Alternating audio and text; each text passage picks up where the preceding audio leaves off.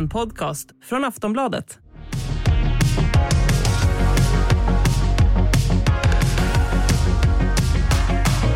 Hallå My och Lena. Hallå, Hej. hallå. Vad är det som händer i Centerpartiet? Alltså, jag har läst men jag vill ändå ha mer klarhet. Varför flyr folk? Jag trodde att alla centerpartister älskade Annie Lööf. Ja, men uppenbarligen är det en missuppfattning. Är, det, är ni felinformerade? Ja, det kanske man är, det är man väl hela tiden felinformerad om det ena och det andra. Men det som jag tror är orsaken är att eh, Centern hade, så, har som mål att vara ett regeringsparti efter valet. Det är ett stolt mål eh, och många känner sig säkert då väldigt kallade. De ser framför sig intressanta jobb som de ska få i regeringskansliet och så vidare. Eller de hoppas åtminstone på det. Nu eh, ser det inte alls ut som det kommer att bli så efter valet. Och, och dessutom så sjunker opinionssiffrorna. Och det är en eh, dödlig cocktail för humöret bland anställda på partikanslier. Ja, för det är ju det. Det har ju kommit ut en artikel nu i Aftonbladet häromdagen där, där det kom fram att arbetsmiljön inom Centerpartiet verkar vara helt anskrämlig en, enligt de källorna då som eh, Aftonbladet har pratat med. Jag tror att nästan alla partier har en anskrämlig arbetsmiljö på det sättet som man beskriver här. Jättelånga timmar, liksom lite gränslös arbetsplats. Det är väl lite som journalistiken på det sättet, att det liksom är ett liv, inte bara ett arbete. Och att där ibland kan gränsdragningarna bli väldigt svåra. Om man inte har liksom någon som verkligen sätter stopp och det verkar man inte göra då i Centerpartiet riktigt. Nej. Sen är det ju lättare att stå ut med sånt om man, man har vind i seglen än om man inte har vind i seglen. Det finns ju också lite så här silly seasons i politiken och det är när man är liksom i cykler när människor lämnar partier och börjar jobba i näringslivet istället. Det är ju för att man vill ju inte göra det när det liksom brinner till. Typ så här, när vi hamnade inte i regeringsställning, då måste vi alla hitta nya jobb samtidigt. Och då, gör, då händer det ofta så här att det är lite innan, att man försöker söka sig till någonting annat om man känner att det här kanske inte kommer att gå vägen. Jag kanske inte, precis som Lena säger, jag kan inte få det där jobbet. Och då behöver man hitta någonting annat. Det sker ju ofta när det blir regeringsskifte också. Mm. Att om man känner att man är på väg att förlora ett val, att man liksom hoppar av redan innan så att man inte liksom Fast det behöver hitta vanligaste är ju ändå att man väntar till efter valet. Det måste man ju ändå säga. Ja, eh, vi önskar dem lycka till och så lär det väl komma mer om det, får vi ju räkna med. Eh, idag kommer ni två få jobba hårt för pengarna, som Donna Summer sa. Vi har fått massa frågor från lyssnarna som ni ska få svara på. Och eh, för dig som känner att du också vill att My och Lena ska svara på dina funderingar om politik och politiker, så kan du mejla oss på podcast.aftonbladet.se. Här är en kul fråga från Johanna i Malmö. Talmännen, vad gör de egentligen förutom att leda riksdagens möten? Det känns som att de sitter på mycket makt, men vad gör de när det inte är regeringskris och Andreas Norlén fikar med partiledare? De sitter ju här, leder arbetet i kammaren, det är det som är själva jobbet. Så mötesordförande. Ja, så därför de säger herr talman och fru talman beroende på vem som är talman just då. Mm. Och ehm, de ska ju se till att debattregler hålls, alltså folk inte pratar längre än de får och sådär. Um, sen har de ju också sammanträden mm, där de bestämmer vissa liksom, ordningsfrågor i, i riksdagen. Mm. Jag, ty- jag tyckte det var intressant, för när Zelensky pratade för riksdagen, då var det ju Andreas Norlén som var förband till honom och liksom presenterade honom. Eh, vi kan lyssna lite på hur det lät. Ladies and gentlemen, often we like to look for nuances. We prefer not to see things purely in black or white, good or evil. Today, however, this is not possible. There is no justification for Russia's vicious war against Ukraine and the suffering it is inflicting on the Ukrainian people. Varför var det han och inte statsministern som, eh, som presenterade Zelensky? Alltså statsministern sitter inte i riksdagen. Um, Hon sitter ju visst där. ja, hon är i riksdagen, men hon sitter inte i riksdagen, utan eh, statsråd, alltså ministrar och då också statsministern, de är ju ersatta i riksdagen. Alltså de är invalda i riksdagen, men de är ersatta i riksdagen under tiden som de är statsråd, så de tillhör ju regeringskansliet. Så de, till, de är inte riksdagsledamöter längre? De är inte riksdagsledamöter. och då får men- de inte rösta heller? Nej, precis. Ja. Men, men det är inte därför som, eh, utan det viktigaste orsaken är att riksdagen är talmannens område. Det är hans hus. Det, och ledamöternas område, regeringen ska hålla sig jävligt lugn där. Det, riksdagen kontrollerar regeringen, det, så att de ska minsann inte sticka upp uh, huvudet allt för mycket. De ska bara sitta med, med händerna knäppta i knät och vara tysta. Ja, och svara på frågor. Just det. De har ju rätt att tala i riksdagen eh, om man är statsråd. Men det har ju till exempel inte om man inte är statsråd och inte invald i riksdagen, men en partiledare som Nyamko Sabuni till exempel. Hon har ju inte rätt att tala i riksdagen, det är därför hon alltid är ersatt av någon annan i riksdagen. Men men eh, statsråden får prata i riksdagen. Men om vi går tillbaka till Andreas Norlén, eller liksom talmannen, hur, hur mycket makt har en sån person egentligen? Men alltså han är ju det högsta ämbetet i Sverige som man kan väljas till. Alltså han är, nu är jag ju helt immun mot hierarki och rang, så att jag kan inte lägga in någon känsla i vad det här betyder, utan det här är liksom rent bara Jag ser att det fakta. glittrar i dina ögon, jag ser det. eh, nej men, och det är ju att han är ju näst efter kungen eh, och att han liksom är representant för riksdagen, så man skulle kunna säga då att han är politikens kung eller drottning, talmannen. Okej, så eh, kungen längst upp i Sverige, efter honom kommer talmannen och sen kommer statsministern? Ja i hierarkin. I hierarkin. Ja, när man placerar folk vid bordet vid kungamiddagar så är det så. Okej, okay. mm. men, men hur väljs han då? Han väljs ju av riksdagen. Talmannen väljs av riksdagen. Efter varje val så väljer man en talman. Och då är det, är det någon valberedning som säger vi tycker det är han som ska vara, eller? Uh, ja, det kan man väl säga. Det är en typ av informell valberedning. Partierna liksom försöker göra upp. Och dessutom så nominerar ju, alltså partierna nominerar ju personer till talmansposterna.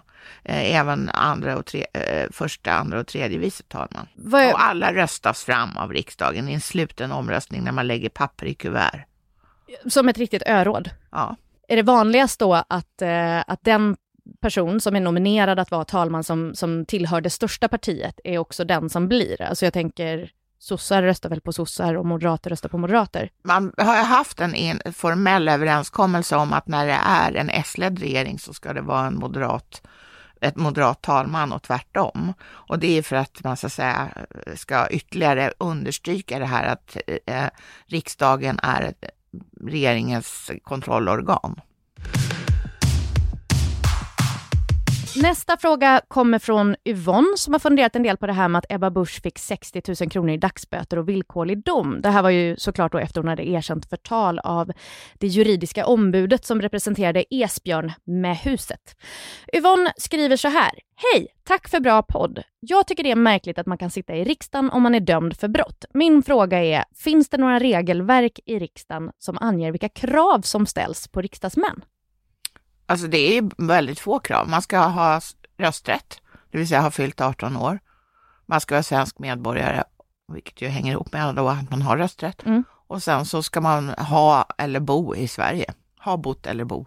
Så du kan ha begått brott och du får sitta kvar? Ja, det är inte så konstigt. Alltså, nu var det det här under innevarande mandatperiod, men annars kan det ju vara så att man har begått brott för länge sedan och har betalt av sig med ett, att ha avtjänat ett straff. Mm. Men eh, alltså, det är ju partierna som så att säga är gatekeepers för att se till vilka som är kandidater till riksdagen. Och det är kanske inte så att jättemånga partier skulle tycka att en dynamitard var en bra, god representant för dem. Nej men och sen är det väl också här i Sverige har vi ju inte som i USA till exempel om du har begått ett brott så får du inte rösta något mer. Du får ju fortfarande rösta om du är kriminell. Ja men skulle du däremot dömas för ett brott under tiden som du är riksdagsledamot så finns det Alltså det finns regler för det. Det finns liksom i grundlagarna finns det regler för det. Och det är att en domstol som dömer dig för ett brott under tiden du är riksdagsledamot, de kan döma att du inte längre är, att brottet är så grovt så att du inte längre eh, borde sitta i riksdagen. Jaha. Då är det liksom domstolen som avgör det. Men då, alltså jag skulle tro att det är liksom brott av väldigt, ja men väldigt grova brott ändå. Inte liksom förtal. Ett förtalsmål. Nej, uppenbarligen inte, för hon sitter ju kvar i riksdagen. Nej, men för dessutom är det så att man ska liksom, de ska ut, domstolen ska uttala att den här personen i så fall har typ ett sviktande um, förstånd. Exakt, mm. det är domstolen som gör det. Mm. Okay. Tack Yvonne för din fråga.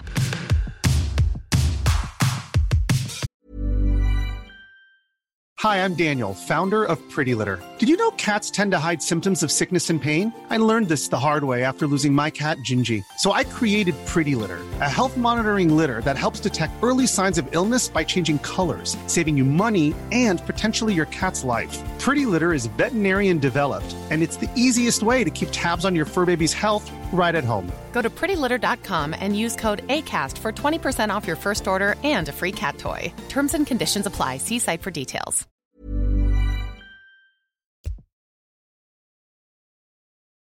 Nästa fråga kommer från Amir som undrar hur mycket makt utskotten har. Men innan ni svarar på det så vill jag först att ni gör en supersnabb eh, utskott for dummies.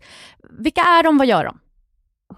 Det är liksom ämnesgrupper i riksdagen kan man säga. Och de behandlar förslag, politiska förslag som kommer antingen från regeringen eller kan komma från riksdagens ledamöter. Mm. De kan också lägga egna förslag, ett utskottsinitiativ.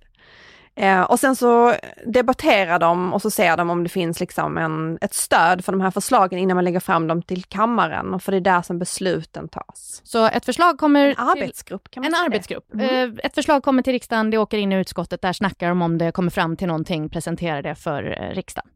Mm.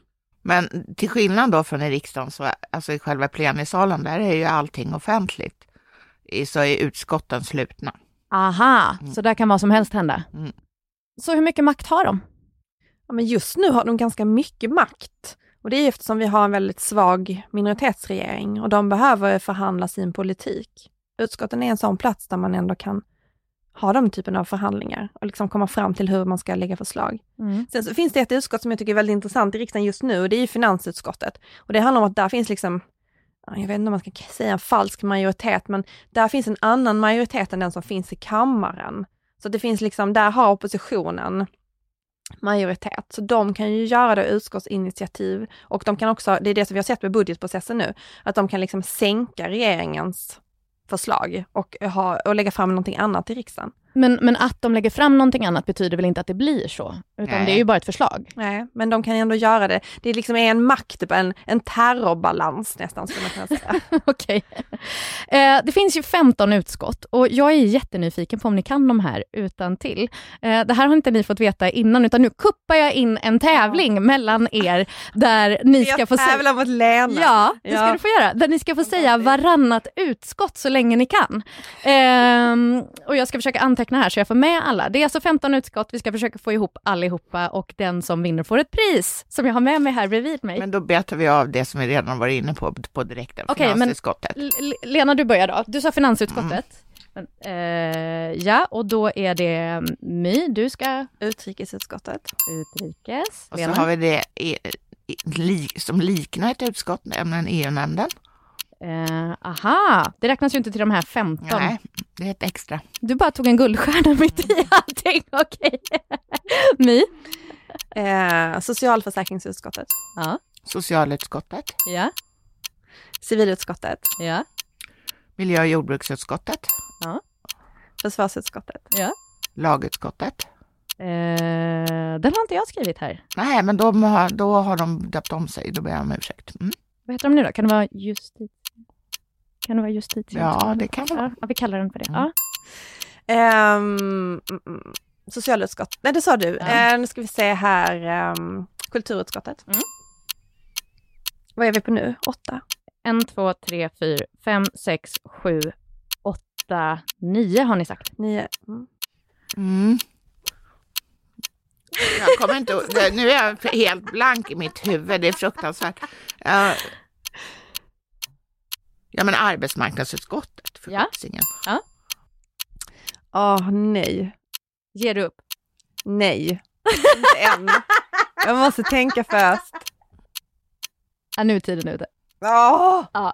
De som var kvar var konstitutionsutskottet, näringsutskottet, skatteutskottet, trafikutskottet och utbildningsutskottet. Klart.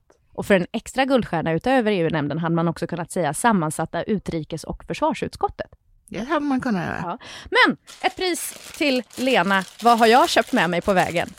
Har jag- jag en En bulle? klubba! Nej men gud vad fint! Tack så mycket! My, du får också en klubba. Åh, Varsågod. tack. Det var ändå ett tröstpris. Här här är en fråga om bistånd. Hur mycket pengar skänker Sverige och hur stort är det i jämförelse med andra länder? Alltså, biståndsbudgeten är på totalt 52 miljarder i år. Ja. Och 2 miljarder ungefär går bort till olika former eh, av administration, alltså Sida, eh, Folke Bernadotte-institutet och sådana grejer. Resten är ju då bistånd, men det är ju bara halva sanningen, för, eller en tredjedel möjligen, för att eh, Sverige är ju EU-medlem och EU är ju världens största biståndsgivare. Så att även våra bidrag till den budgeten ger ju visst bistånd. Och eh, därutöver kan man ju nämna alla frivilliga bidrag från människor som eh, skänker pengar till Röda Korset och Rädda Barnen och UNHCR och vad det nu kan vara. Men de här 52 du sa, eh, hur, hur står det sig i liksom jämförelse med andra länder? För det känns ju ändå som att vi är rätt duktiga på att slå oss på bröstet för att vi ger väldigt mycket. Alltså det står sig väldigt, väldigt bra för att Sverige har ju ett biståndsmål på att man ska ha 1% av BNP varierande ja. storlek. Eh, men då, vi är ju ett av de länder, nu har jag inte sett några siffror för 2021, men för 2020 var vi ju det landet i världen som gav mest i liksom, relation till vårt BNI då. Ja. Och då var det 1,14. Och hur känsligt är det här för regeringsbyten? Alltså hur mycket vi ger? Tycker de olika blocken olika om hur mycket bistånd vi ska ge? Mm. Ja, dels det, men sen har den stora oredan, höll jag på att säga, den gäller ju vad man ska räkna som bistånd. Nu till exempel när, när regeringen befarar att det kommer väldigt, väldigt många flyktingar hit så ska en del av de kostnaderna som är förknippade med det tas från biståndsbudgeten. Och det finns internationella regler för hur man får räkna saker och ting. Och just det, det var det här som oroade biståndsorganisationerna, hörde jag i, i P1, att pengarna då skulle tas från, från biståndet för att stötta upp eh, ukrainska flyktingar i Sverige. Mm. För, men då, kan man, då får man alltså göra det och ändå räkna det som bistånd under vissa premisser. Ja. Det här med den andra sidan, de har ju en ganska annan syn ändå på bistånd. Alltså Moderaterna vill ju sänka biståndet till 0,7 procent av BNI då skulle vi fortfarande ligga ganska högt i klassen i EU till exempel. Det är väl typ runt där man ligger i EU om man liksom är en stor biståndsgivare. Och Sverigedemokraterna, surprise, surprise, de vill sänka det ännu mer. De vill ner upp till 0,5. Och där finns ju en konflikt inom det här högerkonservativa blocket eftersom Kristdemokraterna som kommer liksom ur den, den kristna rörelsen, där ligger biståndet de väldigt väldigt nära om hjärtat och de har redan haft konflikter i den här liksom konstellationen kring det. Att de, de håller fast vid det här 1% målet och det är väldigt viktigt för dem. Här kommer en fråga från mig. Du får ju aldrig ställa några frågor annars. Jag vet, jag tyckte jag fick för lite plats. Ja. Så att här är jag. får ha en röst som hörs ibland. Här är jag. Så här, jag får nämligen den här frågan ganska ofta och den handlar om er. Så jag tänkte att ni ska få svara på den själva. Eh, för det är nämligen inte sällan som jag får frågan, eller snarare påståendet, att ni som skriver för en tidning som är oberoende socialdemokratisk, själva då skulle vara socialdemokrater jag misstänker att ni kanske också har fått det någon gång. Och då undrar jag, hur svarar ni på det? Att jag aldrig har varit medlem i ett parti och att jag inte har röstat sedan 1982. Mm. Men, men tidningen är ju inte oroande socialdemokratisk utan det är väl ledarsidan bara.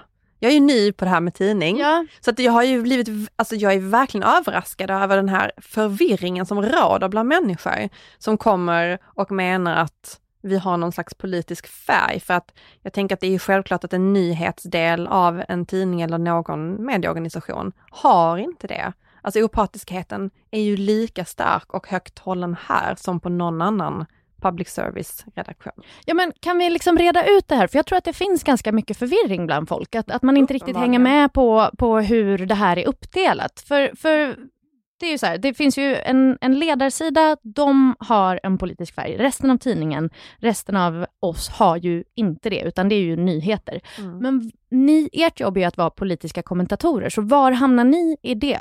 Vad gör ni? Vad gör ni på jobbet? Ja, vad är ert jobb? Det, det ringer i alla fall inte någon sosse och frågar vad vi ska skriva, det kan jag lova. Mm. En kommentar är ju en analys av det politiska läget och vi är ju nyhetsreportrar vi, vi är nyhetsreportrar, precis som den resten av nyhetsredaktionen på det sättet. Ja, och ni, inte, ni, har liksom, ni ska inte driva fram någon åsikt som ledarsidan kanske gör mer då, för de, de ska ju visa sina åsikter. Ja, men det är ju, de propagerar ju för någonting. Det gör ju inte ni. Nej, Nej. utan vi försöker tala om hur det ligger till. Det är en helt annan grej. Men jag tycker det är spännande det här du sa, Lena, att eh, hur, länge, hur länge sedan sa du att det var du röstade? 1982. Ja, och, och hur resonerar du där, att du inte röstar? Nej, men jag vill inte ens att någon ska tro att jag för, har någon baktanke med att gynna någon. Så eh, då tänker jag, ja, det är väl lika bra att jag inte röstar heller. Mm. Men, men du röstar My, Ja, och hur tänker du då? ja men jag röstar blankt. Men jag, för jag är väldigt förtjust i demokratins små ritualer och traditioner. Så att, eh, men det är ju klart att det är, det är ju självklart jättekomplicerat. För att utgångspunkten är som Lena säger att det finns liksom i, det handlar inte om något gynnande, det handlar inte om att lyfta fram eller att bäsa, bäsa någon. Alltså det handlar ju om att göra liksom politiska analyser. Och att sätta på sig en annan hatt är svårt. Mm. Om man till exempel skulle försöka gå in i och tänka på vad sympatiserar man själv med. Det är ju en väldigt, det skulle ju vara en jättesvår process. För att utgångspunkten för det vi gör, det är ju att vara kritisk mot allt. Ja. ja, hoppas vi har bringat någon slags klarhet i alla fall. Här är en fråga från Småland. Har alla glömt pandemin nu och innebär det att vården inte kommer bli någon stor valfråga? Jag tror att vården i alla fall kommer att vara en stor va- valfråga, eh, även, även om den kanske inte ligger i frontlinjen. För allting som har med trygghet att göra tror jag kommer att vara stort i det här valet som Mm. kommer. Vad tror du? Jag hoppas att det blir en valfråga, men jag vet också att det är en väldigt komplicerad fråga eftersom det ligger på regional nivå. Det är väldigt lätt för politiker att smita ifrån ansvar i de frågorna när man är rikspolitiker. Just det.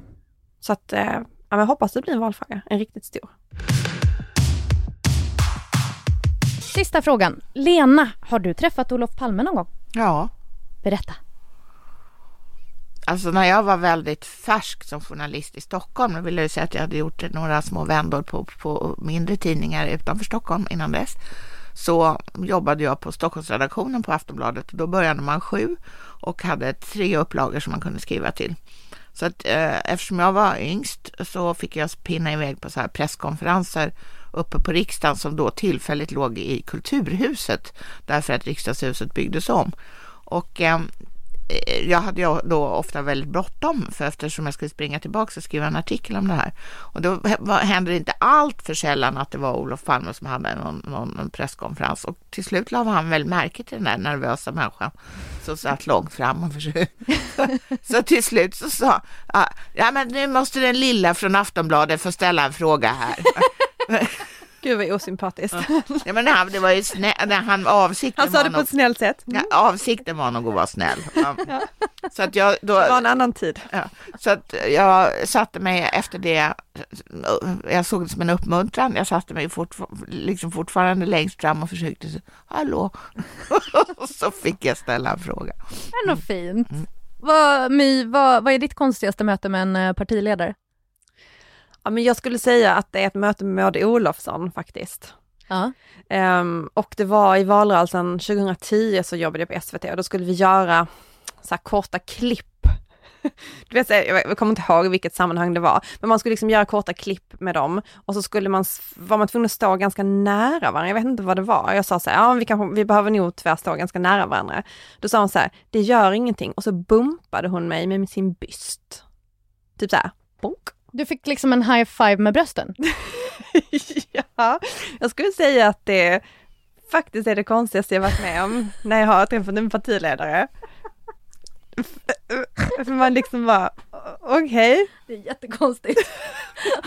vad är det konstigaste mötet du har varit med om? Ja, men nu kommer jag bara tänka på ett för det, och det, det var faktiskt med Helmut Kohl. För att jag liksom hamnade i hans mage, det var helt. Han liksom nästan omslöt mig med sin enorma mage. Och jag stod så här med huvudet upp och tittade rakt upp i liksom Helmut Kohls Och försökte andas. Ja, och det här hände på ett kloster i Grekland, alltså det blir konstigare och konstigare. Ja, men, men det var, äh, Varför stod ni så nära? nej men det var inte alls meningen. Klostret eh, var, det var ett EU-toppmöte i klostret. Det var ett EU-toppmöte, det första som Sverige fick vara med på, eh, på. Vi var fortfarande inte medlemmar, men fick vara där som observatörer. och det skrevs på något fredsavtal i den här klosterkyrkan. Eh, och sen spankulerade Helmut Kohl tillbaka till så att säga, huvudbyggnaden. Men då var det jättemånga som ville prata med honom. Eh, jag vet inte om vad, det kommer jag inte ihåg. Men jag föstes fram av folkmassan så säga, som tryckte på och hamnade liksom i den här skumgummimagen. Helt otroligt. Tack så jättemycket My och Lena för idag. Om du som lyssnar undrar vilken den fånigaste valkampanjen är, vilken den sjukaste motionen som har framförts i en talarstol är eller vad Håkan Juholt, Anton Abele eller Piratpartiet gör nu för tiden. Eller någon annan fråga, kanske rimligare. Mejla oss på podcast.aftonbladet.se. En runda till är slut för idag och vi som har gjort programmet är producent Olivia Svensson, experter My Råväder och Lena Melin och jag heter Soraya Hashim. Vi hörs nästa vecka. Puss och kram!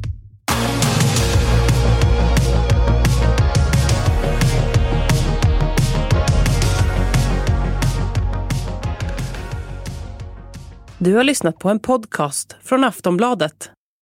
Ansvarig utgivare är Lena K Samuelsson.